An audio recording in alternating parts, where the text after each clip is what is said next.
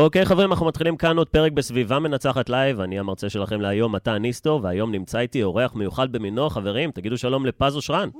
אהלן, רק אני מוחא כפיים, זה לא... טוב, גם אחו בבית, זה בסדר. בסדר. חברים, פז אושרן זה אחד המרצים הבכירים ביותר במדינת ישראל ל-NLP, מחבר שלושה רבי מכר בכל מה שקשור לביטחון חברתי ואסרטיביות, והוא יספר לכם על זה, וגם הוא יוצר הפודקאסט חשיבה פורצת דרך. נכון, שלום. ברוך הבא, חבר. ברוך הנמצא. מה קורה, מתן? בסדר גמור. קודם כל, כיף שאתה כאן. תודה רבה. העונג כולו שלי, כיף להיות כאן.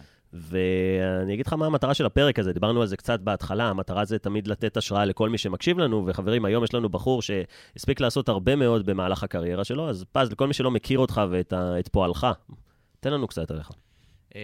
אז כמו שאמרת נכון, קוראים לי פז אושרן. אה, אני מאסטר ומורה לתחום הזה שנקרא NLP. בארצות הברית הוכשרתי גם כמאסטר בהיפנוזה.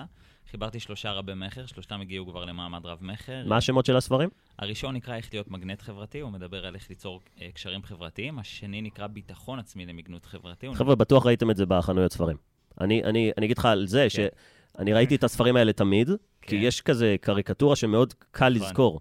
ואז פתאום אמרתי, "אה, זה של פז, איזה קטע. איזה כיף. אז יש לנו מגנט אה, חברתי, כן, השני זה נקרא ביטחון עצמי למגנות חברתי, שהוא על הביטחון עצמי, אהבה עצמית והערכה עצמית, והשלישי נקרא אסרטיביות חברתית, שמדבר על כל הריבים או המחלוקות האלה, איך לנהל אותם בצורה אסרטיבית, נכונה, ששומרת עליכם ועל, אה, ועל המערכת יחסים.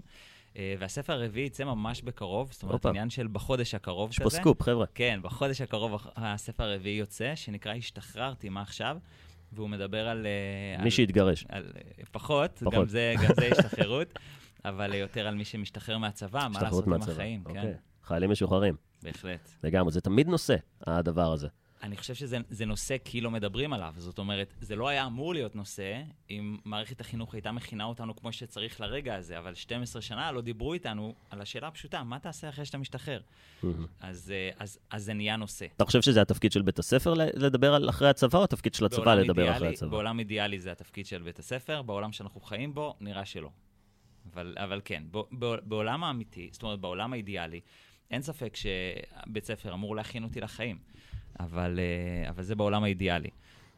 בחיים האמיתיים, הבית ספר לא באמת מכין אותי לחיים, אני לא יודע כמה מתוך זה אני זוכר, ו... וכמה כמה אתה זוכר ממה שלמדת בבית ספר. למדתי אלגברה. מה לומדים? אה, למדתי אנטיגונה, כן, עד היום זה משרת אותי. זה משרת אותך. אה, מה למדתי? הייתי אומר, אתה יודע, שנגיד מקצוע כמו לשון, מהמם. זה נגיד מקצוע שהוא שימושי, נכון? אבל זה לא כזה נכון. כאילו, לא, זה חשוב. כאילו, העניין הוא שאיך שעושים את זה, גם, גם על זה אפשר להעביר ביקורת ואפשר לדבר על זה, אבל uh, שמע, כל, מקצוע אתה יכול uh, למצוא איפה הוא שימושי. אתה יודע מה? גם ספרות אולי מפתח לך איזה משהו, וגם uh, היסטוריה אולי מפתח לך איזה משהו. יש הרבה דברים שמפתחים משהו, נותנים. השאלה אם זה באמת סדר עדיפויות. זאת אומרת, שאתה מסתכל על השש שעות שאדם בבית ספר, האם... השש שעות מנוצלות בסדר עדיפות נכון. זאת אומרת שהשש שעות האלה מעבירות את הדבר בסדר עדיפות הגבוה ביותר, החשוב ביותר לבן אדם. ניכר שלא, יש הרבה דברים שהם תורמים, הם נותנים, אבל אם הם הדבר הכי חשוב להתחלת החיים, אני מאוד מאוד בספק על זה. טוב, טוב, יש פה שתי שאלות מרכזיות. אחת זה, איזה תכנים לדעתך חבל שלא מדברים עליהם בבית הספר? את השאלה השנייה אני תכף אשאל. אז איזה תכנים אה, חבל שלא מלמדים? קבלת החלטות, אחד החשובים לדעתי. אה, תקשורת בין-אישית. בכלל, מה זה תקשורת בין אישית? תקשורת בין-אישית, איך, לנ- איך, לפ- איך לעשות נטוורקינג, איך לדבר עם אנשים, איך לנהל ריב נכון, איך להביע את עצמך, איך לדעת לדרוש את מה שאתה רוצה. אני יכול עוד להמשיך עד אינסוף, אבל... תמשיך, תמשיך. להמשיך עוד עד אינסוף.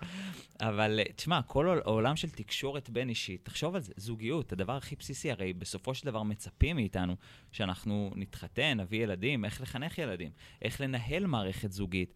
אתה יודע, הרבה, רוב זה, הילדים... זה נשמע לי מטורף שבבית הספר ידברו איתנו על איך לנהל זוגיות. זה כאילו, זה כל כך רחוק ממה שקורה עכשיו, שרק לחשוב על זה, אני אומר, כי גם, שוב, כן. מי, מי הדמויות? כאילו, בדרך כלל נכון. המורה היא בת, לא יודע, היום, היום המורים יותר צעירים. כאילו, כן. אתה ואני, אנחנו, אתה 89, נכון. אני 90, זאת אומרת, היינו בבית ספר... אני בן מזמן. 89, למי שלא הצליח להבין. אמ, אז אתה יודע, גם פעם... בן 32, אגב, נכון. מהמרכז, 32. מרמת גן. נכון. כבר דלה את כל הפרטים לפני. אז uh, אני אגיד לך מה, פעם הייתי אומר, אין לי בגרות, אנשים היו מתייחסים בהרמת גבה של, אוי, מסכן. אה, אין לך בגרות. אין לי בגרות. או, עכשיו זה, עכשיו אהבתי. אתה יודע, פעם היו מסתכלים על זה בהרמת גבה של, אוי, מסכן, מרחמים עליו, כאילו, מה הוא יעשה עם עצמו בחיים היום? היום מסתכלים על זה אחרת, היום אני אומר, אין לי בגרות, טוב, אתה לא צריך, שזה זה, זה שינוי תפיסתי שקרה היום. אתה מקדים אותי, אני באל תעשו תואר, אתה באל תעשו בגרות, לקחת כן, את זה כן, עוד... לקחתי את אה, זה עוד צעד אחורה. מעניין. רגע, איך זה ש... טוב, תכף נגיע להיסטוריה שלך, שזה כן, נשמע לי אבל היה מעניין. לך עוד שאלה שרצית אה, לשאול. השאלה השנייה הייתה, למה נראה לך שלא מלמדים את הדברים האלה? זאת אומרת, למה מלמדים את מה שמלמדים? ש- שלוש סיבות. אחד, חבר'ה, לרשום. כן, שלוש סיבות. סיבה ראשונה זה שמערכות בכללי, כל מערכת שהיא, גם אה, בתי, אה, בתי ספר, גם בתי חולים, אוניברסיטאות, כל מערכת גדולה, גם צבא, מתקדמות לרוב לאט יותר מאשר אה, החיים עצמם. היום החיים במאה ה-21 מתקדמים כל כך מהר, טיק טיק טיק, השינויים קורים מהיום למחר, ומערכות גדולות, להטמיע שינוי לוקח הרבה מאוד זמן. Mm. אז יש מקומות ש... הן לא עומדות בקצב. לא עומדות בקצב. אז יש מערכות שמאוד משתדלות, כמו למשל צבא. אנחנו רואים שההתקדמות הטכנולוגית, הם עצמם יוצרים את השינויים. להטמיע שינויים בצבא, לצורך העניין, גם עשוי לקחת זמן, אבל הם יותר מחויבים לזה, כי יש פה עני- עניין של ביטחון. אבל אה, מוסדות כמו בית ספר, אתה יודע, מי... אז לא הכנתי את הילד לבית ספר, עוד עשר שנים הוא, הוא יקום עליי, כאילו, מי ישכחו, הוא ישכח אותי, הוא, הוא לא יהיה גם מספיק... זאת אומרת, אין פה את הדחיפות, אין פה את האמרג'נסי לעשות את, ה, את הדחיפות ואת ה, את ה... את השינוי עכשיו. אז זה, אז זה אחד. שתיים, היכולת של מערכת לעשות שינוי היא הרבה יותר קטנה מאשר יכולת של אדם לעשות שינוי. אז גם אם המערכת החינוך תרצה לעשות שינויים ותרצה להיות מעודכנת לחיים, מה שהם יבנו היום, עוד שלוש שנים כנראה לא יהיה רלוונטי. אז תסתכל אחורה. לפני שלוש שנים ידע שנהיה בקורונה, שיהיו מלא עסקים שיהיו לא רלוונטיים.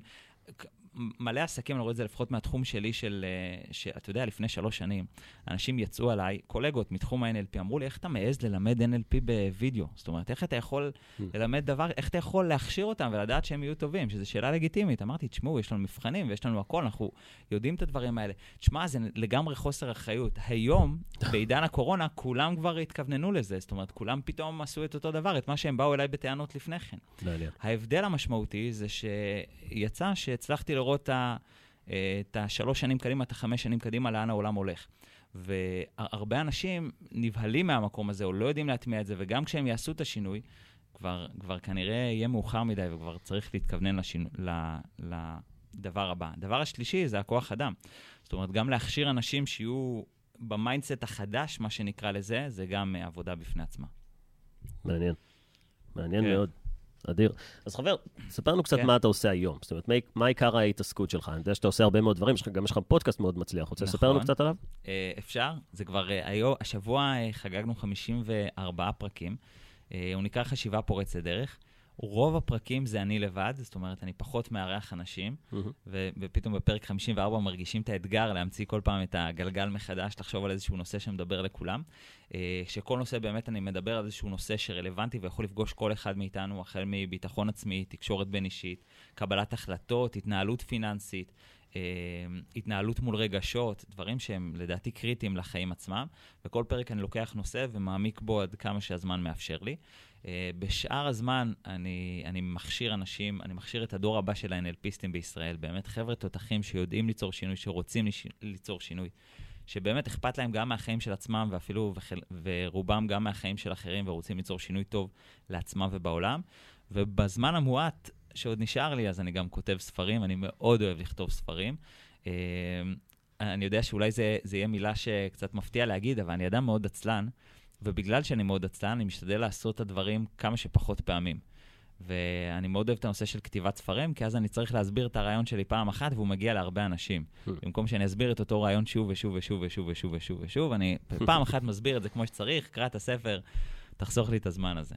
אדיר. אז, אז אה, כן, זה בעיקר, בעיקר הפעילות. הייתי מקבל אנשים גם לאחד על אחד, היום אין לי זמן, הפסקתי לקבל לקוחות חדשים, אני רק מסיים לקוחות ישנים, ו... והפסקתי לקבל אה, לקוחות חדשים לאחד על אחד. אדיר. תגיד, לכל מי ששמע את המושג NLP ולא ברור לו ב-100% מה זה הדבר הזה, אתה יכול לתת לנו איזשהו... בוודאי? NLP כן. זה השיטה הכי מתקדמת, או לפחות אחת המתקדמות בעולם, לשנות מחשבות, רגשות והתנהגויות דרך שפה. זאת אומרת, כל מצב, כל אה, רגש, מחשבה או התנהגות שאדם רוצה לשנות, גם אם זה אדם שאומר, אני רוצה לשלוט בכעסים שלי, לפתח ביטחון עצמי, אה, או להתגבר על פוביות, או לא משנה, כל מצב שאדם רוצה להרגיש, לחשוב או להתנהג אחרת בצורה אוטומטית, NLP נכנס לתמונה. אני מדבר על כל מה שקשור לאיזה מודע, תת-מודע. אה, כמובן שהרבה שינויים הם לא יכולים לעבוד מהמודע, אלא עם תת-המודע, כי אם תגיד לאדם, לצורך העניין עצבני, תשמע, תירגע, הוא רק עוד יותר יתעצבן עליך. אז המטרה היא לא לעשות את השינויים מהמודע, אלא עם תת-המודע. צריך להבין את השינוי במודע, זאת אומרת, צריך להבין מה השינוי שאתה רוצה ליצור, לקבל את ההסכמה מהמודע, אבל השינוי עצמו, כדי שהוא יחלחל עמוק, אז כן, חייבים לעבוד עם תת-המודע של הבן אדם. זה כבר מושגים מקצועיים יותר, אבל, אבל כן, בגדול צריך לעבוד ממש עם תת-המודע של הבן אדם, כדי ששינוי באמת יוכל להחזיק לטווח רחוק. הרבה אנשים יגידו לך גם, תשמע, אני יודע מה אני צריך לעשות אחרת, אבל אני לא מצליח. ו... ואגב, מפה נכנס למקום שהרבה אנשים לא מאמינים בשינוי. מכיר אנשים, יצא לך לפגוש כאלה, תשמע, היום שינוי זה לא קל, זה לא מהיר, זה לא פשוט לעשות את זה. אני גם מבין את המקום הזה, למה הם מגיעים. כי איך הם מגיעים למסקנה הזאת? הם מנסים בכוחות עצמם, ואומרים, תשמע, אני, עד שאני הצלחתי לשנות הרגל, לקח לי מלא זמן. אז אתה, זה משהו שהוא דורש הרבה מאמץ. אז הם פשוט משווים את זה למה שהם עשו בראש, ולא למה שמישהו מקצועי יודע לעשות, לא למה שמישהו שמבין איך עושים שינוי עושה את זה, ואז הם מסיקים את המסקנה הזאת. אבל בתכלס, אם מבינים איך המוח עובד, ואיך המוח יוצר שינוי, והמוח יוצר שינויים מהירים, וההוכחה הטובה ביותר לזה, היא שרואים אדם שנתקע במעלית, ומאז הוא מפחד ממעליות. ואם המוח לומד מהר, והוא השתנה ברגע, הוא לא תרגל את הפחד ממעליות, הוא לא עבד על זה קשה, פעם אחת הוא נתקע במעלית ומאז הוא מפחד ממעליות. ואם המוח לומד מהר לשלילי, הוא לומד מהר לחיובי, רק צריך להבין את השפה שלו. וברגע שמבינים את השפה, לומדים לעשות שינויים מהירים, עמוקים ועוצמתיים. המוח לומד באותה מהירות לחיובי כמו שהוא לומד לשלילי, או שלשלילי יש יתרון? אין ספק שלהרוס הרבה יותר קל מלבנות, אבל עדיין למוח, המוח מוכיח יכולות ליצור שינויים מהירים. אתה יכול גם, כל אחד יכול להכיר אדם שאומר, די, נמאסתי, אני מפסיק סיגריות. Mm-hmm. והוא באותו רגע מפסיק סיגריות. זאת אומרת שאם אדם יכול לעשות את זה, הוא כנראה עבר איזשהו תהליך חשיבתי בראש, ומה שעושה ה-NLP, הוא ממפה את אותו תהליך חשיבתי, כדי להבין את זה, ללמוד את זה, שנוכל ללמד את כל השאר לעשות אותו דבר. כמו ששואלים אותי מה ההבדל בין NLP לפסיכולוגיה, וההבדל המשמעותי ביותר, זה שפסיכולוגיה... פסיכולוגיה חוקרת בעיות. אם יש למישהו בעיה, ישאלו אותו למה יש לך בעיה, או מה הבעיה, מנסים להבין. יש ספרים בעלי עובי כזה דבר, עם, עם כל מיני אבחונים, מה שנקרא DSM, של כל סוגי הבעיות. וב-NLP לא חוקרים בעיות, חוקרים פתרונות. אני רוצה להבין דווקא את אלה שהתגברו על בעיה, אלה ש- שהצליחו ליצור שינוי, פריצה דרך הצלחה. מה הם עשו, בוא נבין, בוא נלמד את זה, ונלמד את כל השאר לעשות אותו דבר. אני רוצה לחקור הצלחות, אני לא רוצה להיות מומחה בבעיות, וזה ההבדל המשמעותי. אז, אה, אז ללא ספק, כשאדם, כשאתה ממפה את התהליך השיבתי של הצלחה, זה נהיה קל יותר. מדהים, איזה כיף. כן. אז נשמע שהיום אתה בן אדם מאוד עסוק, עם הרבה עשייה, ו... ויש לך גם, אה, אתה מוכר, אתה, אתה אומר שפה פודקאסט, ואתה מפסיק לקבל לקוחות מרוב שאתה עמוס, שזה תמיד דבר שהוא טוב. כן, אני מפנה לבוגרים שלי, שגם הם מדהימים. אני מפנה לבוגרים שלי בעיקר. אבל מה שמעניין אותי אצלך זה איך הדבר הזה התחיל. זאת אומרת, אה, אתה... ו- וזרקת פה משהו על זה של, שלא עשית בגרות, או שלא סיימת בית ספר. נכון. אז, אז כאילו, איפה, ה... איפה המסע מתחיל מבחינתך? וואי, וואי, וואי. זה, אתה יודע, השאלה היא אה, כמה אחורה ללכת. כי בוא נגיד אם נלך כזה לאמצע הדרך, אז אני התחלתי ב-2004 מעולם הרפואה הסינית. אה, למדתי רפואה סינית. אז היית בן 15. נכון, הייתי יפה, וואי, איזה מהיר מתמטי אתה. אה, אז, אה, אז, אז בגיל 15 כבר למדתי רפואה סינית. שזה כיתה י'? שזה כיתה י', כן. טוב. אוקיי. למעשה זה היה במקביל לתיכון. זאת אומרת, הייתי נוכח בשיעורים, בבוקר הייתי בתיכון ובערב... למדתי רפואה סינית. רגע, איך מגיעים בכיתה י' ללמוד רפואה סינית? או, הנה, אז אתה רוצה שנלך עוד אחורה. אני לא מצליח להבין את זה, אני לא, אני לא חשבתי על הדברים האלה. אני, אני הייתי בצופים בכיתה י', זה היה, אני הייתי בתנועות נוער. וואו, אוקיי. אבל אה, כאילו, רפואה סינית זה מאוד ספציפי. נכון, זה מאוד מאוד ספציפי. אני אספר לך בקצרה שהייתי פשוט בטיפול ששינה לי את החיים, ואמרתי, יואו, אני... זאת אומרת, אני באתי מאיזשהן בעיות של איזה סיפור ארוך קצת, שאני מספר אותו גם בדרך כלל בשיעור האחרון של ה-NLP, כי הוא באמת סיפור ארוך, אז אני אתמצת לך אותו. שאני פשוט עברתי איזה שהן בעיות, היה לי הפרעות שינה, והיה לי כל מיני, והתפרצויות זעם, והיה לי הרבה בעיות, ופשוט חיפשתי את הפתרון. ועברתי איזשהו טיפול שנקרא רייקי, אני לא יודע אם אתה מכיר או שמעת על זה, זה אבל... כן, זה בלי מגע, נכון? נכון. זה, שזה... וזה עשה לי מהפך uh, מדהים, וואלה. שהתפוגג אחרי ארבעה ימים, אבל אחרי שדבר כזה קורה, uh, קורה משהו מטורף. למרות שזה התפוגג אחרי ארבעה ימים, פתאום מאי אפשר זה עובד ל... אפשר, רק צריך למצוא את הדרך. והמעבר הזה זה דרך ללא מוצא. כי ברגע שמצאת את הדרך, זה כבר לא האם אפשר. השאלה משתנית, זה כבר איך אפשר. ואז לקח לי זמן לה- להבין בכלל שקוראים לדבר הזה רייקי, לקח, לא משנה, זה כבר סיפור ארוך איך הגעתי לטיפול רייקי וכאלה, אבל לקח לי זמן, ועד שהבנתי שקוראים לזה רייקי, ונחשפתי לעולם שלם של טיפול, בין היתר רפואה סינית, ואמרתי, תשמע, אני רוצה ללמוד את זה בשבילי, כדי שאני אוכל להתגבר על הרבה בעיות שהיו לי. ואז הלכתי ללמוד, את ה... ואז הלכתי ללמוד רפואה סינית. כמה זמן זה? ביניהם. כמה זמן מה, הלימודים? כן. סביבות ארבע שנים, אני הפסקתי אחרי שלוש שנים. וואלה. כן, כאילו כל התיכון למדת. כל התיכון למעשה, נכון. במקביל ל... במקביל. בבוקר הייתי ב... בתיכון, בערב למדתי רפואה סינית, או טיפלתי, לפעמים אפילו סיימתי את הלימודים ב-10 בלילה, הגעתי הביתה, סליחה, סיימתי ב-9, הגעתי ב-10, קיבלתי כבר מטופלים 10 עד 12 בלילה. וואלה. כן, וזה כבן נוער. וזה כבן נוער, ממש הייתי ילד, גם לקחתי מחירים כאלה מצחיקים, אתה יודע, של אה, כן, בטח. 50 שקל, 40, משהו כזה של יאללה, כמה שיותר אה, לטפל, לצבור ניסיון וכאלה. ואז מן הסתם לא הייתי מתעורר בב- בבוקר, היה לי יותר קשה להתעורר לבית ספר. אז ככה מגיעים למצב שאין בגרות. אה, אבל לא אכפת לי, כי הרגשתי שאני בונה איזושהי קריירה אחרת כזאת של רפואה סינית. אז שם, מתוך הלימודים של רפואה סינית, אה, היה גם מגמה שנקראת הוליזם, שזה מדבר על הקשר בין גוף ונפש, על איך בעיות פיזיות באות לידי ביטוי מדפוסי חשיבה. והדבר הזה ריתק אותי. כי פתאום הבנתי... איך בעיות פיזיות מגיעות, איך המחשבה פוגעת בגוף? נכון. איך, ממש, בעיות פיזיות, אדם מגיע לצורך העניין עם כאבי גב. יש לזה גם איזשהו היבט מנטלי. מה הקשר בין השתיים? מה ההיבט המנטלי? זאת אומרת, מה אתה יכול להסיק על כל מי שיש לו כאבי גב, או כאבי ראש, או לא משנה, או איזושהי בעיה כזו או אחרת. אז יש ממש patterns כאלה. סתם אני אתן לך דוגמה. למשל, כאבי גב, זה תלוי אם זה גב עליון או גב תחתון, אבל גב, גב עליון למשל, זה אנשים שהם מאוד עמוסים או מאוד במתח, בלחץ וכאלה. אה, לא סתם אגב, גם בשפה אנחנו משתמשים, היום כשאני NLPיסט ואני שומע את השפה של האנשים, אז הרבה יותר קל להבין כמה אנשים משתמשים בשפה הזאת. הם אומרים, שמע, הכל על הכתפיים שלי, תשמע, כבד לי החיים האלה, אני לא יכול, לא סתם משתמשים בשפה הזאת, כי באמת הכתפיים, פיזית, ממש אוגרות את ההיבט המנטלי של לחץ ומתח.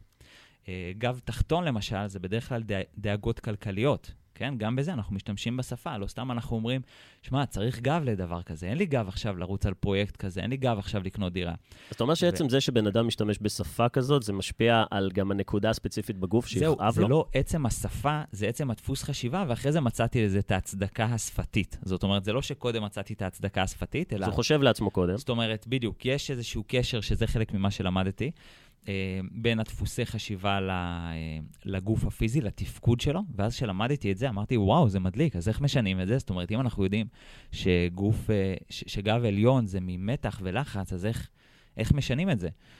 ואמרו, זהו, זה לא התפקיד שלנו, אנחנו יודעים להגיד שזה מתח ולחץ. ואז פה התחיל איזשהו מסע של לחפש... איך אז- פותרים את זה? אז איך פותרים את זה, כן, תנו כן. לי, תנו לי להבין את זה. אוקיי. ואז, אה, כן, פגשתי אנשים בדרך שהראו לי את ה-NLP, אז זה לא היה מוכר. פגשתי מישהו, אה, בחור, אה, אה, בחור תותח בשם מיקי, שהראה לי את ה-NLP והכיר לי את זה, ואז התחלתי קצת להכיר ולקרוא ספרים, וגם לט- לטוס ללמוד את הדבר הזה. זאת אומרת, התחלתי להישאב לתחום ה-NLP וההיפנוזה, כדי להבין איך משנים דפוסי חשיבה, כי אני לא רציתי, רציתי להיות במקום שרק אומר לאנשים, שמע, אתה צריך להתגבר על הלחץ, לא יודע איך, אבל בהצלחה. לא רציתי להיות שם. אני רציתי גם לספק פתרונות. אם מגיע אליי לקוח, אני אעשה איתו עבודה עד הסוף.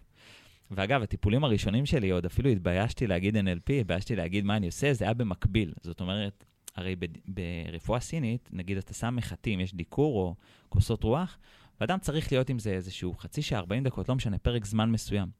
וב-40 דקות האלה הוא מחכה. אז ב-40 דקות האלה השתדלתי לעשות תהליכי NLP או תהליכי אימון או תהליכי שינוי, וככה תרגלתי את זה. זאת אומרת, Mm. למעשה תרגלתי על אנשים בלי שהם ידעו שתרגלתי NLP, כ... כדי, כדי באמת לנצל כל זמן. כ... יפה. כן, ואז הם הרוויחו שתיים במחיר אחד, הם לא ידעו את זה, כאילו, גם לא, לא יכולתי להחצין את זה אז, כי אף אחד לא ידע ממש מה זה NLP ומה זה Mm. שינוי דפוסי חשיבה, והיפנוזה גם אה, זה דבר ש, שבכלל היה מבהיל אנשים. לא שמותר לעשות היפנוזה בארץ, אבל עבודה עם תת-מודע זה גם אה, דבר שמבהיל, שאז הבהיל אנשים, וגם אני לא הייתי בטוח בעצמי, הייתי עוד חדש בתחום. אז, אז עוד לא רציתי לצאת בהצהרות, רציתי לעשות, לצבור ניסיון, להיות טוב בזה, אחרי זה נצא בהצהרות. מגניב, כן, וואו. וכל זה קרה במקביל לתיכון. כל זה קרה במקביל לתיכון. אז אני מרגיש שהיה איזה שלב שפשוט הפסקת ללכת לתיכון. Uh, זהו, לא פורמלית. תראה, הלכתי, הלכתי לבגרויות, הלכתי ל... נוכחתי, פיזית לפחות נוכחתי, אתה יודע, שכשישבתי, ב, אני זוכר את זה, כשישבתי למשל בכיתה י' או י"א, אני לא זוכר איזה כיתה, ישבה לידי מישהי בשם הדר. אתה מכיר את הישיבה של בית ספר, שזה שולחנות של זוגות, זוגות, זוגות, זוגות? כן. אז ישבה לידי מישהי בשם הדר, ובחורה מתוקה, מקסימה, שכל כך לא התעניינתי בחומר של הבית ספר, שמצאתי את עצמי לוקח את הספר של הרפואה הסינית ופשוט לומד את זה בזמן השיעור. זאת אומרת, לימדו נגיד היסטוריה, כן. ואני עם הספר, כי יש 365 נקודות דיקור בגוף, שזה המון לזכור. אז כל נקודה, אתה צריך לזכור את המקום שלה, את התפקוד שלה, מה היא עושה. גם 365? נקודות דיקור בגוף. מה הימים כן. בשנה? ממש ככה, כן, ויש 12 מרידיאנים כמו החודשים, לא, לא ניכנס, זה כבר עולם בפני עצמו. אבל קיצור, אז יש 365 נקודות דיקור בגוף, וכל אחת, אתה ממש צריך לזכור איפה היא נמצאת בדיוק, את המקום המדויק, כי זה ממש נקודה, מה היא עושה כדי לדעת מתי להשתמש בה, וואלה. את העומק שאתה דוקר, אה, כמה עמוק אתה נכנס עם המחט, איזה זווית, יש, יש הרבה דברים לזכור סביב נקודה אחת. וואו. בקיצור, זה המון חומר. אז, אז מצאתי את עצמי, גם, גם כשאני בבית ספר, בתיכון, פשוט משנה נקודות דיקור. והייתה לידי מישהי בשם הדר, ש... שככה בין לבין, היא ממש שיתפה איתי פעולה, היא ראתה, ובמקום להגיד לי, די, די עם השטויות שלך, ת, תקשיב בשיעור, היא אפילו בחנה אותי. זאת אומרת, בהפסקות וכאלה, או בין לבין, אמר לה, אוקיי, תבחני אותי, ואז היא שאלה אותי על נקודות, אוקיי, סטומק 36, למה היא טובה? ואני פשוט הייתי צריך לשלוף לה את כל התפקודים, ואיפה היא נמצאת והכל. ומה שיפה, אגב, לימים, היום היא מטפלת ברפואה סינית. זאת אומרת, לימים היא גם נכנסה לתחום הזה. אבל, אה, אבל גם בבית ספר הייתי נוכח פיזית, אבל אני לא יכול להגיד שהייתי נוכח בשיעור, זאת אומרת, אני לא יכול להגיד שספגתי את זה. ככה די נכשלתי בהרבה בגרויות ויצאתי בלי תעודת בגרות. זה הסיבה שאתה אומר שאין לך בגרות, כי כי לא עברת כי את לא עברתי. המבחנים? כן, ניגשתי לכולם, אבל לא, לא עברתי את פשוט כולם. כי לא לא למדת, לא היית שם. נכון, נכון, נכון. למדתי למשהו אחר למעשה באותו זמן. אז- כן.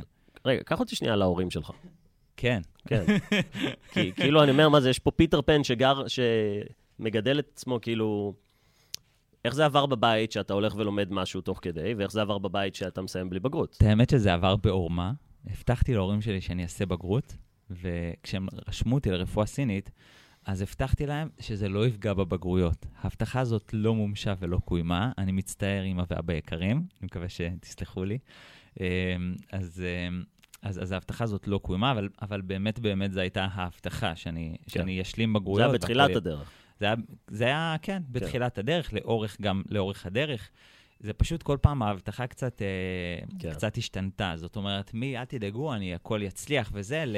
טוב, אני לא חייב להיות בכל השיעורים, העיקר אני אצליח במבחנים, וטוב, אני אצליח בבגרות אם לא במגן. וקיצור, מפעם לפעם זה קצת, ההבטחה השתנתה, אבל... אבל... אה, אז קחתי באמת לסוף י"ב, איך קיבלו את זה שאתה מסיים בלי בגרויות? זהו, סוף י"ב כבר, שתבין שכבר, היה לי כבר, ממש עבדתי ברפואה סינית, היה לי כבר קהל לקוחות, וזה כבר לא עניין. אני לא, בד... לא טרחתי לבדוק. אני כמה- בטוח שאותך זה לא עניין, אני אני מדבר עליהם. גם, גם אותם, זאת אומרת, כבר, כבר הם ראו, יש לו מקצוע, אז זה היה בסדר, זה היה. מקובל. כן, ההורים שלי, אה, אחד הדברים שאני מאוד אוהב אצלם, הם טיפוסים שמאוד נותנים חופש. זאת אומרת, הם כן דואגים לי, אבל לא דאגה שתלטנית, אלא דאגה של תעשה מה שאתה רוצה. ו... וכל עוד רואים, הבן אדם מסתדר, סוג של, לטוב ולרע, הבעיה שלו, כאילו, הוא מסתדר. אז, אה, אז מבחינתם זה היה בסדר, זה היה מקובל, הם רואים, גם שני האחים הגדולים שלי, יש לי שני אחים גדולים, שהם גם סוג של אה, מצאו לעצמם איזושהי דרך חלוצה כזאת, דרך עצמאית. אח שלי ספר, יש לו היום מספרה, ואחותי אז הייתה קוסמטיקאית, היה לה מכון יופי, וממש מכון יופי לעשרות שיער עם עובדים והכול, כל אחד מהם אה, למעשה היה חלוץ בתחום אחר שהוא לא, אה, נקרא לזה לא מוסדי. אז זה לא היה זר להם. אומרת, זה היה מקובל כבר בבית באיזשהו מקום, אז זה היה בסדר. אם אתה רוצה דרך לא מוסדית, אה, שיהיה לך בהצלחה עם זה, מקבלים. כבר היה לי איזשהו קהל לקוחות אה, בסוף י"ב. אז זה היה בסדר, לא טרחתי לבדוק כמה קיבלתי בבגרויות, עברתי, לא, אבל לא עניין אותי. אדיר. אז אתה אומר, קח אותי באמת אה, או לצבא או לאחרי צבא, כי אתה אומר שהספר שלך מדבר, אז זה הספר הבא, אז באמת, מה היה לאחר מכן, בשלב כן, הזה? הספר הזה למעשה הוא נכתב די עכשיו, למרות שהוא, הוא, התוכן הזה ליווה אותי לאורך כל הדרך. סליחה. התוכן הזה ליווה אותי לאורך כל הדרך, ובצבא עצמה אני עשיתי, אה, אני עשיתי יומיות, מהמם. וב... אה, בוא נגיד בבוקר, הייתי בתפקיד הדרכה, אז בבוקר הייתי בצבא, ובערב קיבלתי לקוחות. ככה לאורך כל אז השיעור. המשכת לעבוד על העסק שלך תוך כדי הצבא. לעבוד, זהו, לא, לא ראיתי בזה עסק. אני רוצה שתבין שעבדתי למעשה תחת מישהו, שהוא דאג לכל השיווק, להכל, ואני רק, רק טיפלתי. זה, זה עשית את העבודה הביצוע, כן, את השירות. כן. בדיוק, נתתי רק את אוקיי. השירות. אז טיפלתי במקביל לצבא, אה, לא ראיתי בזה עסק, אתה יודע, לא חשבתי לבנות עסק אז באותם ימים, חשבתי לבנות יכולת, לבנות מקצוע, זה מה שעניין אותי. אה, אז פשוט בניתי את היכולת שלי, בניתי את ה... גם ראיתי בזה באמת איזושהי שליחות של אני בא, אני מטפל, לא ראיתי, כאילו, יאללה, בואו נעשה מזה איזה עסק. באתי, ראיתי בזה באמת איזושהי שליחות. וככה לאורך כל הצבא, זאת אומרת, כל השלוש שנים, בבוקר הייתי בצבא ובערב הייתי חוזר הביתה ישר, ל, אה, ישר לטפל באנשים. היו גם פדיחות לפעמים, היו ריתוקים, ונאלצתי אז מתי באמת הגיע הרעיון של להפוך את זה למשהו כמו עסק? זאת אומרת, להפוך את היכולת ואת המומחיות שלך למשהו רציני. זו שאלה טריקית. כי השאלה היא, מה זה אומר משהו רציני ומה זה אומר עסק? כי Mm-hmm. אני רוצה שתבין שעל פניו באותו זמן זה גם היה אולי סוג של עסק, כי הייתי עובד במקצוע שלי, פשוט היה תחת מישהו. זאת אומרת, תמיד הייתי עובד תחת מקומות, קריירת סולו, בלי המישהו הזה. די נקלעתי לזה. זאת אומרת, אה, אני הקמתי את מגמת NLP בקמפוס ברושים באוניברסיטת תל אביב, אה, והעברתי שם, הקמתי בכמה מקומות את המגמה, גם במכללת אה, גבעת וושינגטון, מכללת אשקלון, הקמתי שם את המגמות NLP. מה, סחטיין, איך הגעת למצב שאתה מקים מגמות במכללות? רגע, אז זו שאלה בפני עצמה, שנייה, דבר דבר. אז, אה, אז הקמתי למעשה שם את המגמות, והייתי, פשוט לימדתי שמה. זה היה גם הסדר מצוין מבחינתי. שוב, לא ראיתי קריירת סולו של פז, לא ראיתי גם שזה באמת מתאים לי, אבל... אה, כי מה שעניין אותי זה ללמד NLP, להעביר את המסרים שלי, לעשות טוב, לתת את הכלים שלצורך העניין לא היו לי לפז. אז, אה, אז הקמתי את, ה, את המגמות, לימדתי. והחיסרון, אחד החסרונות הגדולים שראיתי שם, זה שפתחו פשוט קורס כל סמסטר, שזה אומר שהייתי מוגבל לשני קורסים בשנה. ראיתי בזה הגבלה, כי אני כן, יש לי שאיפה לגדול, לצמוח, להגיע להרבה אנשים. לא ראיתי את עצמי נשאר עם שני קורסים בשנה, זה היה נראה לי לא מספיק. זה היה קצת מדי. זה היה לי קצת מדי. כן. ולא היה ממש מוכנות ל... ליותר מזה, אז, אה, אז אמרתי, טוב, אז, אז, אז אני, אני אעשה את זה לבד. ודווקא זה היה מהלך מאוד uh, לא פשוט, כי אמרתי, טוב, אז אני לבד אני אעשה יותר. וגיליתי שזה לא כזה פשוט, כי לבד לא הצלחתי יותר. אפילו את השני קורסים שהיה לי בשנה, זה פתאום חזרתי אחורה, הצלחתי, לצורך העניין, כזה, בהתחלה עוד היה קורס וחצי כזה ב- בשנה. אז ממש לקח לי זמן, ובלית ברירה נאלצתי לבנות את עצמי. אה, כבר כביכול שרפתי את הגשר. זאת אומרת, כבר הם כבר מצאו להם מישהו הספינות. חדש. את הספינות, כמו שאתה קורא לזה. כבר, כבר הם מצאו להם מישהו חדש, ואני כבר נאלצתי לבנות את עצמי לבד. אה, גם סוג של מקרה לא מקרה נטוורקינג, הייתי בסמינר של מישהו בשם ברנדון בורשארט. אה, האמת שאני לא מכיר. אתה לא מכיר. הוא מדהים, הוא מצוין. אה, איפה זה? אה, עשינו את זה בקליפורניה, Mm. בסן חוזה, וקיבלתי כרטיס מתנה. ב... על ידי networking הלכתי לאיזשהו כנס, פגשתי שם, ישבנו שולחן של איזה שמונה אנשים, של אנשים שהכרנו בכנס, אני טיפוס כזה מאוד, אה, אה, מאוד חברתי, מאוד אוהב להכיר אנשים חדשים, אה, להתחבר וכאלה. ו... ואחד מהם סיפר שהוא הוא קנה איזשהו קורס, והוא קיבל שני כרטיסים מתנה לאיזשהו סמינר של ברנדון בורשארט, ואני מאוד פריק של למידה. אז הוא אומר, והוא סיפר, אין לי עם מי ללכת. אמרתי לו, אוקיי, אז יש לי, יש לך, אני, אני אבוא איתך. הוא אומר לי, אתה בטוח? אתה פנוי בתאריכים האלה? עוד לא ידעתי מה התאריכים, אבל אמרתי לו, עזוב, אני אפנה, מה זה משנה? זה גם לטוס עם מישהו שאתה לא מכיר עכשיו לחו"ל לאיזה לא שבוע. כן. זה לטוס עם מישהו שאני לא מכיר, אבל לא אכפת לי, יש לי פה סמינר. אומרים לי, קח ידע מתנה. אני אגיד, לא, ידע זה אחד המצרכים החשובים ביותר. בן כמה אתה פה בסיפור הזה? ב-23. 23. ח- אז משוחרר. כן, משוחרר כבר כמה שנים. כבר כמה בטח, שנים, כבר, כן. כבר משוחרר, לימדתי NLP, פה זה כבר השלב שאני עוד חצי לבד. Mm. אה, או, או לפני הלבד, קצת לפני. וטסתי לסמינר הזה שנקרא אקספרטס אקדמי, הוא גם שלח לי הודעה אחר כך, אמר לי, תשמע, התרשמתי מהנחישות הזאת ומה...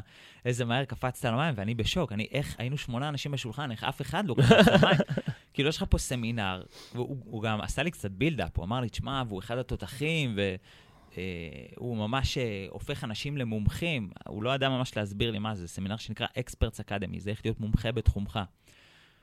ואני הייתי בשוק, היינו שמונה אנשים בשולחן, איך אף אחד לא קפץ על המציאה, למה אני הייתי היחיד לדבר הזה? אבל, אבל כמובן לא היו לי תלונות, ההפך, שמחתי על הדבר הזה, אמרתי לו, אין בעיה, אני אבוא איתך, אל תדאג, נדאג לכרטיס טיסה, נדאג להכל. אה, לא שאלתי שאלות, פשוט באתי. ובאמת ראיתי קצת סרטונים של ברנדון, הוא באמת, הוא אדם גאון, הוא מבריק, הוא, אני מאוד אוהב את האיש הזה. אה, יש לו חשיבה מצוינת וגם מאוד מסודרת, הוא יודע לעבוד מסודר. אז טסתי אליו, והוא לימד איך בעצם למתג את עצמך כמומחה. זה היה הסמינר, סמינר שאני חושב ארבעה ימים, אם אני זוכר, או חמישה ימים. וואלה. איך, איך למתג את עצמך כמומחה. אז זה היה הסמינר. אז בטח הוא אמר לכתוב ספר. זהו שלא. הוא לא אמר לכתוב ספר. זאת אומרת, זה- הוא אמר גם, אתה יכול לכתוב ספר, אבל uh, דווקא הוא בעיקר התמקד בסרטונים. אמר, תעשה סרטונים, תן תוכן וכן הלאה. ובמקרה, אחרי שעזבתי את, את קמפוס ברושים, יצאתי מה שנקרא ברוק, קצת מרושש, לא מצליח, uh, גם הקמפיינים שעשיתי לא עבדו, לא מצליח להרים את עצמי, ובשארית הכסף שהיה לי, פשוט קניתי מצלמה והתחלתי לעשות סרטונים. הופה, ככה זה מתחיל. ככה. זה מתחיל. התחלתי לעשות סרטונים, ממש בש... בשארית הכסף. ועשיתי סרטונים, ואתה יודע, סרטון ראשון עוד אין מה לצפות, אבל פשוט עשיתי כל שבוע, העליתי סרטון. לאן היית מעלה את זה? ליוטיוב, ליוטיוב. כן. ויוטיוב, אז, בא- באותה תקופה, יוטיוב היה, היה ממש סנסציה. זאת אומרת, אנשים אהבו את היוטיוב, היו מבלים שם הרבה מאוד זמן, ויוטיוב עצמו גם היה מציע, הוא היה רואה מה אנשים אוהבים, והוא היה מציע לבד. עדיין עושה את זה. עדיין עושה את זה, כן, כן. פשוט היום היום יש פחות, פחות קהל שם. אבל, אה, אבל, אבל הוא מציע לצ... לך איזה שהם סרטונים. אז הייתי מעלה, וכשאנשים היו סרטונים טובים שהם כבר נדחפו לעשרות אלפי צפיות. זאת אומרת, הגיעו. לטווח מאוד מאוד גדול. ופתאום אני מתחיל לבנות אה, יותר, יותר אנשים שפונים אליי. רק שלא היה לי זמן לחזור אליהם. זאת אומרת, הייתי מתעסק בכל המסביב וטיפולים, הייתי הרבה בתוך טיפולים, אז לא היה לי זמן לחזור אליהם. ופה גם נכנס, נכנסת נקודה חשובה. אלינור, בת הזוג שלי, אנחנו ביחד אה, שבע וחצי שנים, אז היא הייתה איתי באותו זמן, והיא ראתה שאני לא חוזר ללידים, הוא חוזר אליהם אחרי יומיים, שלושה, שבוע, היא אומרת לי, חבל, הלידים מתקררים, תן לי, אני אחזור אליהם. כן. אז היא חזרה אליהם, והיא נתנה להם מענה מהיר ואדיב, והיא הייתה באמת כל כולה איתם, כי היא הייתה יותר פנויה לזה ממני. ו... והדבר הזה באמת סגר יותר אנשים. זאת אומרת, פתאום התחלנו למלא קורסים, ממש כמו שצריך. וככה לאט לאט צברנו תאוצה, והשם המשיך להפיץ את עצמו, אז אני התפניתי יותר לתת ערך, והערך שלי יותר הביא אנשים, וככה זה מין גלגל כזה שהמשיך, עד עצם היום הזה. אז היא חלק מה... היא ממש חלק מה... זה המכירות? היא המכירות, השירות לקוחות, כן, היא, היא, מגניב. היא הניהול, כן, היא עושה עבודה מדהימה. מגניב. אה, כן, לחלוטין, לחלוטין. מאוד. אבל הנה, חברים, זה התחיל מזה שהוא התחיל לייצר תוכן, זה התפוצץ, ואז אנשים הגיעו ואמרו, קח את הכסף שלי. ואתה לא הספקת להגיע אליהם אפילו. אבל כן, קיבלתם ממש דוגמה לאיך זה עובד. כן, כן, אין ספק שאדם ש... שתבין, יש הבדל מאוד משמעותי בין מישהו שאומר, אני מברר עכשיו אצלך ואצל מיליון קורסי NLP אחרים, לבין מישהו שאומר, תשמע, שמעתי את התוכן שלך, לא שמעתי דבר כזה, ואני רוצה ללמוד אצלך. זה מכירות הרבה יותר קלות. ואני אגב היום מאוד בטוח במוצר שלי, אני לגמרי בטוח שאם מישהו ילך, ישמע את השיעור הראשון שלי ושל כל המתחרים שלי, בוודאות הוא יבוא אליי. אין לי ספק, לא ממצמץ, אני יודע, אני בטוח במה שאני עושה. וכשאני באמת נותן תוכן ואנשים נחשפים לזה, אז הם סוג של תואמים איזה מנה אתה הולך להגיש להם. הם תואמים מה, מה הם הולכים לקבל, ואז הם גם יכולים לדעת מראש, אתה אוהב, אתה לא אוהב, את, מתחבר, לא מתחבר. יש כאלה שזה בסדר, גם לא מתחבר. אומרים, תשמע, השפה שלך, אתה מדבר מהר מדי, השפה שלך צעירה לי מדי. זה בסדר גמור. הוא יודע מראש לאן הוא נכנס. כן. ואז הוא יודע, אני מוכן לשלם על זה כי זה, זה באמת שווה לי. מדהים. באיזה שלב הגעת ל... מתי כתבת את הספרים? מתי פתחת את הפודקאסט? הספר, אה, רגע, יש מתי כתבתי ויש מתי הוא יצא. Mm. הספר הראשון שלי יצא ב-2016. אה, סליחה. מגנט חברתי? כן, כן. שהולך להיות מגנט חברתי. אה, קודם כל, אני בכללי, כל החיים שלי, עבדתי עם שיתופי פעולה. אני פחות הנושא של שיווק, אני לא רואה את עצמי שיווק. אה, סוג של נקלעתי לזה מכורח הנסיבות או מכורח העסק, אבל אני לא רואה את עצמי איש שיווק. אני רואה את עצמי איש של תוכן, איש של לספק, אה, פשוט לתת לאנשים את התוכן שלי. ואז תמיד הייתי עושה שיתופי פעולה. זאת אומרת, תמיד הייתי תחת אנשים, או שיתופי פעולה שהיינו מתחלקים חצי-חצי, או משהו כזה, הם דואגים לשיווק, להביא לקוחות, לגביית כספים, לכל המסביב, שבור את הראש, לא מעניין אותי. אני, נותן את השירות. אני רק נותן את השירות. כן. תן לי לעשות את זה. אז... אה, אז מה אחד- הסגנון תקשורת שלך, אגב? מבחינת ה promoter, supporter וכאלה, אתה כן, מדבר? כן. אה, לא, לא מודל שאני כזה אוהב, אבל אם כבר אתה שואל, אז אני promoter. Mm. זאת אומרת, אני יותר מקדם. קיצור, אז, אז, אה, אז, אז אני התעסקתי בלהביא תוכן, והיו הרבה אנשים. אחד מש, מהשיתופ, מהשיתופי פעולה היה בית ספר שלימד גברים להצליח עם נשים. והוא הפנה אותם אליי כדי שאני אעבוד איתם על ביטחון עצמי וואי, ועל מגניב. תקשורת וכאלה, כן. מגניב, מגניב. אז אני עבדתי איתם על... מיומנות חשובה ביותר. נכון. אז אני עבדתי איתם גם על ביטחון עצמי וגם על, ה... על תקשורת בין אישית. וגיליתי שרובם זה לא שהם לא יודעים מה להגיד לאותה בחורה, רובם לא יודעים איך לנהל שיחה נקודה.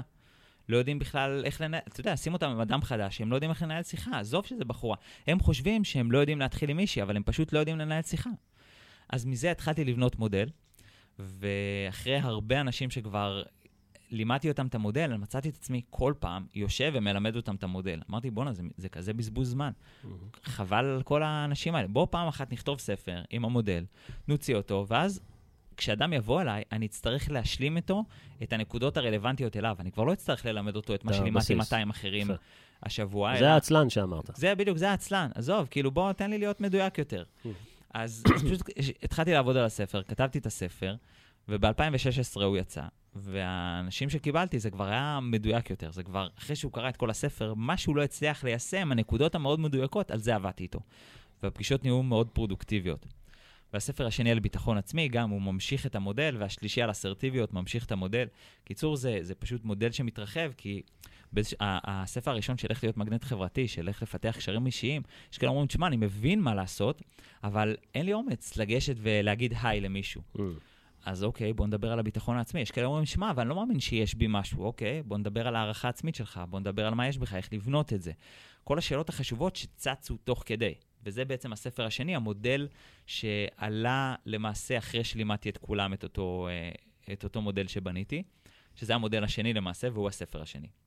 ויש כאלה אמרו לי, תשמע, אהבתי את הביטחון העצמי שיצרתי, אהבתי את התקשורת שיצרתי, אני רק משתתק ב...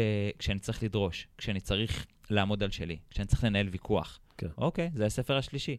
ובעצם כל פעם עלה איזשהו צורך. זה, כל- אז אז ספרים זה- זה פתרונות. זה ממש פתרונות, כן. פתרונות של אנשים שישבו אצלי בקליניקה, ומה שנקרא ב-NLP דגמתי. אה, יצרתי להם איזה שהם מודלים, ולימד, ואחרי שבניתי את המודל, ראיתי שהוא עובד ל-1, 2, 3, 10, 20, 50, 100, 200 אנשים, אני אומר, טוב, יאללה. בוא נפיץ את הטוב הזה. כן, בוא נפיץ את זה. מדהים. כן. איזה כיף. יפה מאוד. בא לי- רגע, והפודקאסט?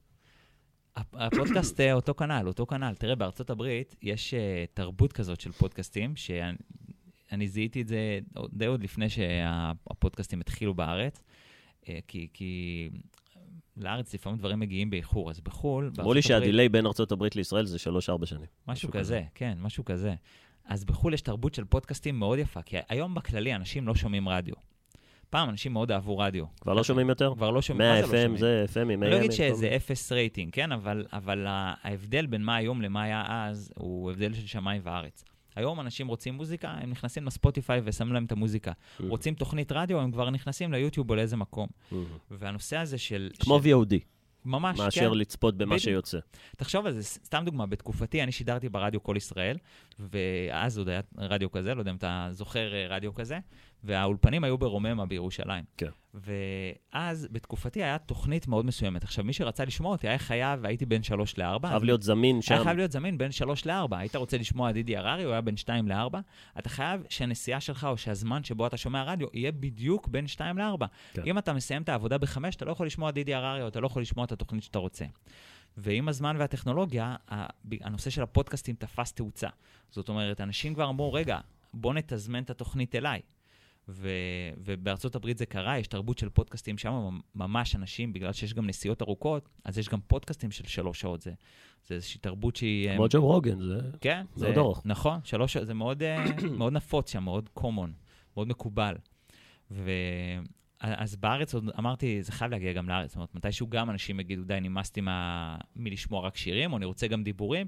בנסיעות אני רוצה לתזמן את זה. כן. אז אה, כן, או בוא נלמד על הדרך, אז, אה, אז כבר אמרתי, טוב, אז בואו נתחיל את המגמה לפני. אני מאוד אוהב את המשפט של אה, ג'ף בזוס, שאמר, אם אתה רוצה להצליח, תראה לאן העולם הולך ותגיע לשם קודם.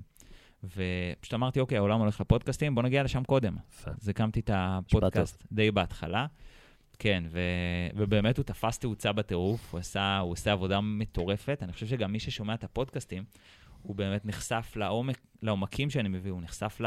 לאיכות, ל... כמה זמן הפרקים?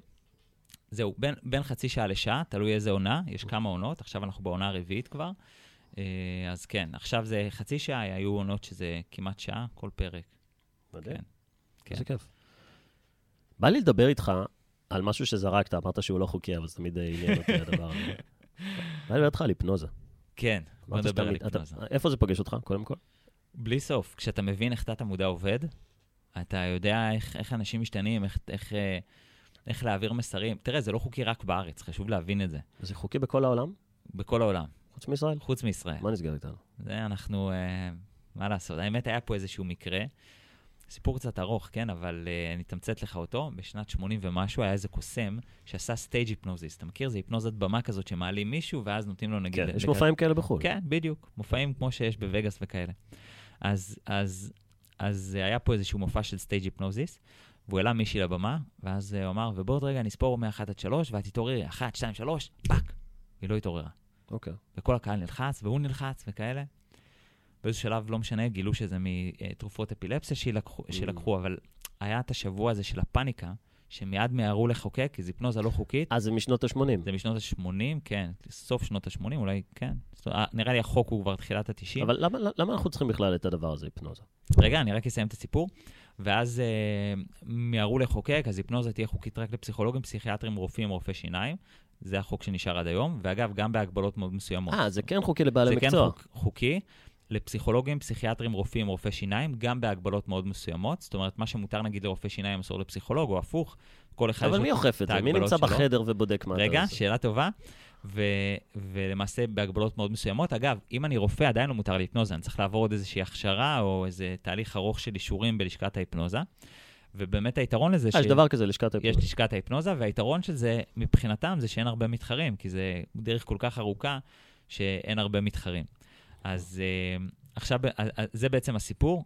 לא משנה, בסוף הגיע איזשהו, הוציאו אותה בדרך דרך מאוד פשוטה, אבל, אבל, אבל כבר לא משנה, גם כשגילו שזה בגלל תרופות, תרופות שהיא לקחה וכאלה, כבר היה מאוחר מדי, החוק עבר, כבר לא חוזרים אחורה. במיוחד אחרי פאניקה ובהלה. אז uh, ככה קרה שמאז בישראל, המדינה היחידה בעולם, היפנוזה לא חוקית. לגבי מי אוכף את זה, uh, יש, לשכת ההיפנוזה אוכפת את זה, בגלל זה אסור לי להגיד היפנוזה, וגם כשאני אומר היפנוזה אני שם בגר... בסוגריים ארצות הברית, כי הרישיון שלי תקף בארצות הברית. אני יכול לעשות הרבה דברים אחרים. תן, תן לי קצת לכל מי שגם לא מכיר את התחום הזה, כי יש לנו עוד איזה כמה דקות, אני רוצה שנספיק טיפה על... מה זה אומר בעצם היפנוזה? היפנוזה זה בעצם תהליך שעובד עם תת-המודע. טרנס-היפנוטי זה תהליך שבעצם מגייס את תת-המודע לקבלת אינפורמציה ובשביל השתלת אינפורמציה. זאת אומרת, גם כשאתה רוצה לקבל אינפורמציה, לצורך העניין יש לנו תהליך מאוד יפה בקורס שעובד עם תת-המודע, שאנשים יכולים לגלות את הייעוד שלהם, או את מה, מה, מה, מה המקצוע או הדבר שהם הכי יכולים להתחבר אליו. זה דבר שלפעמים במודע קשה לשלוף אותו, אבל בתת-מודע ללא ספק הוא יושב. אז תת-המודע הוא מצוין כדי לדלות ממנו אינפורמציה. אגב, ה-FBI בארצות הברית, הרבה פעמים, כשיש תאונת פגע וברח, אז הם בתהליך היפנוטי משחזרים את הלוחית רישוי של הרכב. מטורף. כן, כדי לזהות מה... עכשיו, שתבין שזה נקלט בראש לשבריר שנייה. זאת אומרת, אדם בתאונה, אין סיכוי שהוא ממש יכול לשנן את הלוחית רישוי. אבל בתהליך היפנוטי, תת-המודע ממש קולט את כל האינפורמציה. אז, אז אפשר uh, לדלות את ה... כאילו, הכל נשאר בתת מודע. ממש הכל נשאר בתת-מודע. ואז אז יש, אז היפנוזה, או תהליך שעובד עם תת-המודע, מאפשר, אחד, לדלות אינפורמציה, ושתיים, להשתיל אינפורמציה. כשאדם למשל אומר, אני רוצה להתנהג אחרת, או לפעול אחרת, או שיהיה לי אוטומטים אחרים, תת-המודע גם אחראי על האוטומטים, אז אתה יכול באמצעות תהליך היפנוטי להטמיע את כל הדברים שאתה רוצה. אז יש, יש היפנוזה עצמית, אני יודע. נכון. היפנוזה עצמית לדעתי חוקי. מה זה, זה כמו אפרמציות? אה, כמו לשמוע משפטים? כמו להגיד לעצמך דברים? כן, המילה כמו זה קצת, אני לא יודע איך להתייחס לזה, כי יש דמיון ויש שוני.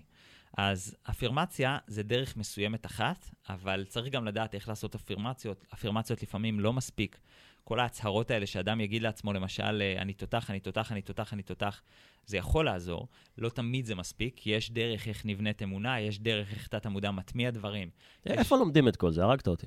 אה, אני רוצה ללמוד את כל מה אז שאמרת. תבוא, תבוא. אני פשוט, אה, אסור לי, אסור לי להגיד כמובן היפנוזה, אז אני לא יכול להגיד שאני עושה היפנוזה. רק אמרת עוש- את זה מאה פעם בשידור. כן, אז אני עושה, אני עושה אה, דמיון מודרך, תהליכי תת-מודע, אתה יכול לקרוא לזה איך שאתה רוצה, רק אל תקרא לזה היפנוזה. אוקיי. אה, אז, אז יש לנו קורס מטורף, באמת קורס מדהים ברמה הכי גבוהה, דברים שאין בארץ, אז בגלל זה אני לא מתבייש להגיד שהוא הרמה הכי גבוהה בארץ. מדהים. אז באמת, חבר, כל מי שרוצה להכיר אותך, לעקוב אחריך, להקשיב לך, לבוא לשיעורים שלך, איך עושים את זה? תן לנו קצת.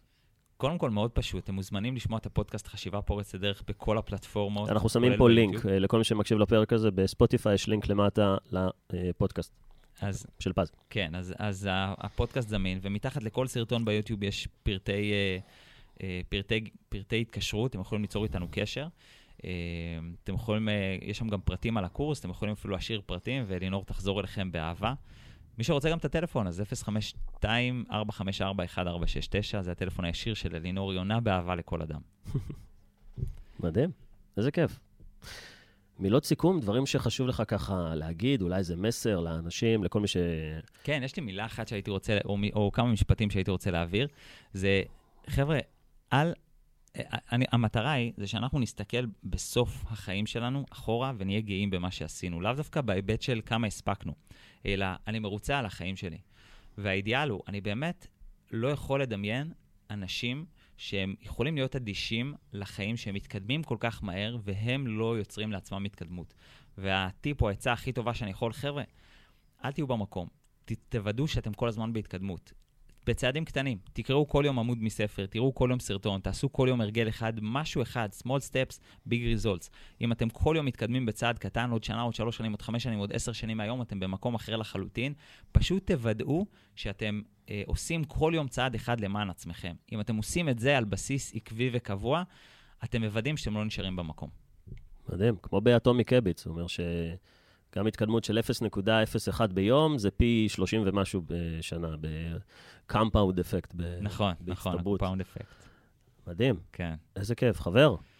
תודה רבה על האירוח, מתן. תודה רבה שהיית כאן. היה ממש כיף, העונג כולו שלי. חברים, אתם מוזמנים לעקוב אחריו ברשתות החברתיות, להזמין את הספר, להגיע לסדנאות ולהקשיב לפודקאסט שלו, חשיבה פורצת דרך.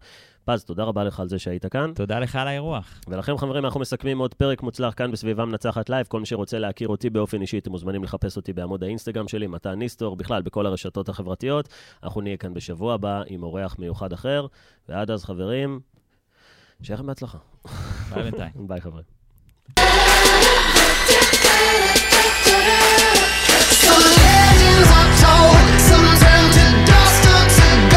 But you